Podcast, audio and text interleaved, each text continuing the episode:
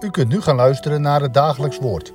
Dit is iedere maandag tot en met vrijdag om 10 uur, 3 uur en s'avonds om 7 uur. Deze meditatie wordt verzorgd door dominee Luchtart.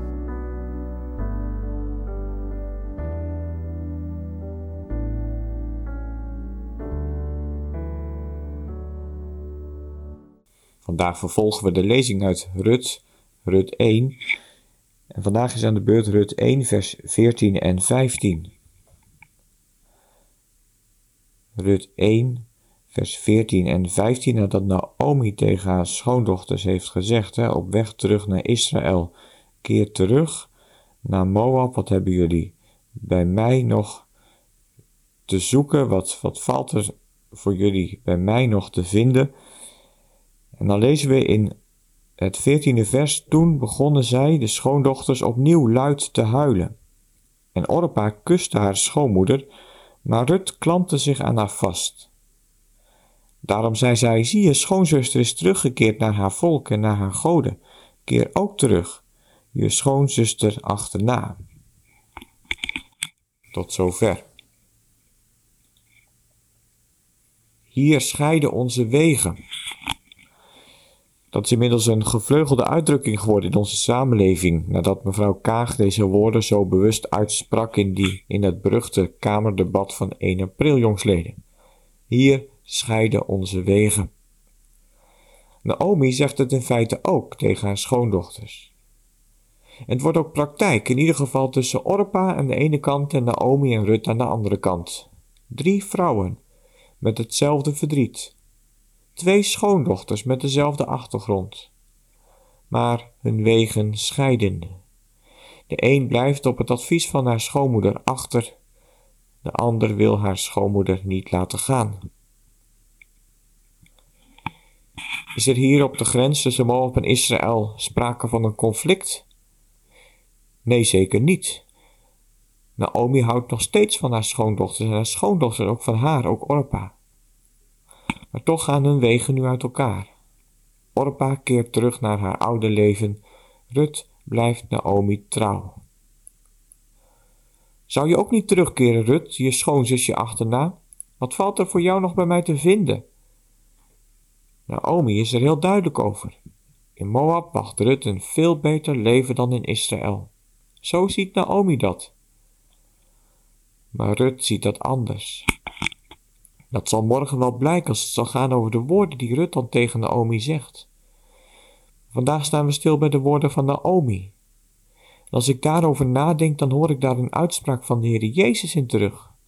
Een vraag die de Heer Jezus eeuwen later aan zijn discipelen zal stellen als velen van degenen die op hem afgekomen zijn en getuigen zijn geweest van de wonderen die hij deed, ze afgehaakt zijn omdat ze de boodschap van Jezus niet konden verdragen. Zijn woorden, ze waren te hard voor hen, te confronterend, te radicaal. Velen zijn weggelopen. Hier scheiden onze wegen, zullen ze gedacht hebben. En dan is het Jezus die ook aan zijn discipelen vraagt: Willen jullie soms ook niet weggaan? Wat zoeken jullie eigenlijk nog bij mij? Kan ik jullie geven wat jullie graag willen?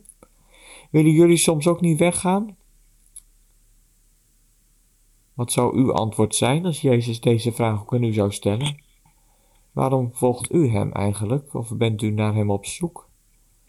Waarom noemt u uzelf een christen? Is dat omdat u daar nou zoveel beter van wordt? Ik kan me voorstellen dat je dat soms ook juist weer heel erg anders kan ervaren. En hebben zij die leven zonder God niet een veel makkelijker leven? Je kunt doen en laten wat je zelf wil geen gedoe over zonde en schuld, geen last meer van al die regels en wetten waar je toch mee te maken hebt als je naar de kerk gaat. Eigen baas zijn en genieten van dat wat je krijgen kunt in het leven, hoe aantrekkelijk kan dat zijn? Waarom volgt u hem eigenlijk? Of bent u naar hem op zoek? Waarom zou je nog iets gelegen laten liggen aan hem?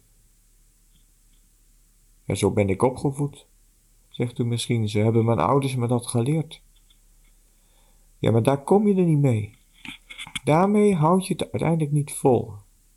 Het enige antwoord dat op deze ontdekkende vraag gegeven kan worden is dit, omdat ik me door hem gegrepen weet.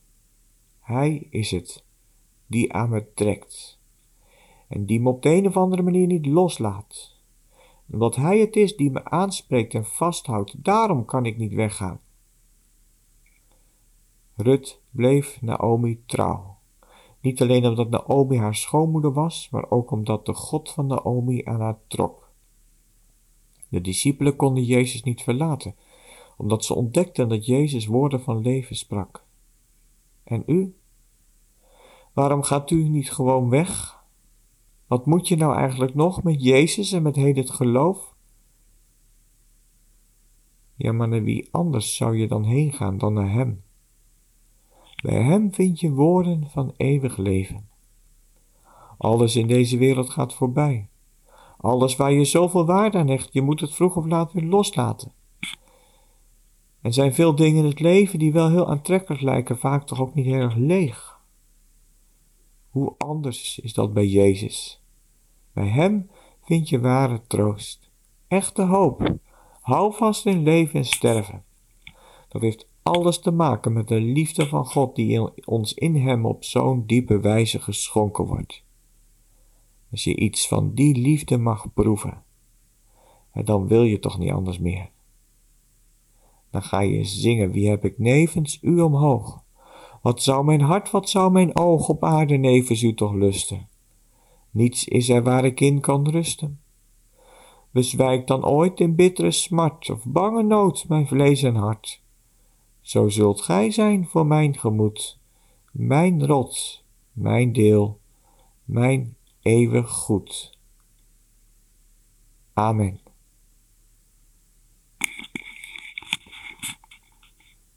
Laten we met elkaar bidden. Ja, heren, zo komen wij tot u in gebed. Nu, u, nu wij met elkaar mochten lezen in uw woord en er een kort moment bij stilstonden.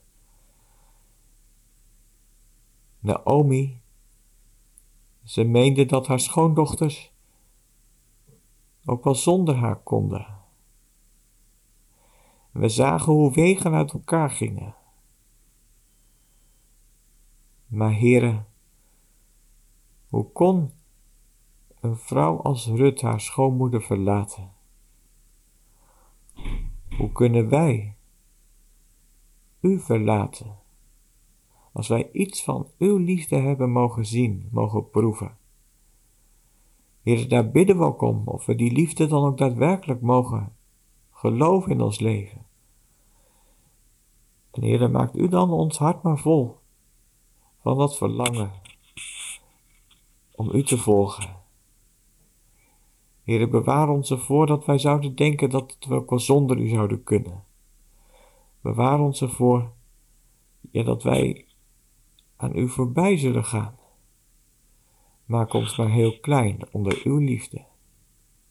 Dat we niet anders meer kunnen dan u te aanbidden en u te volgen. En dank u voor uw woord. Heer, en we bidden u ook om kracht voor deze dag. Bij alles wat er in ons leven aan de hand kan zijn. Heer, wat is er veel zorg ook in de gemeente? Wat is er veel verdriet?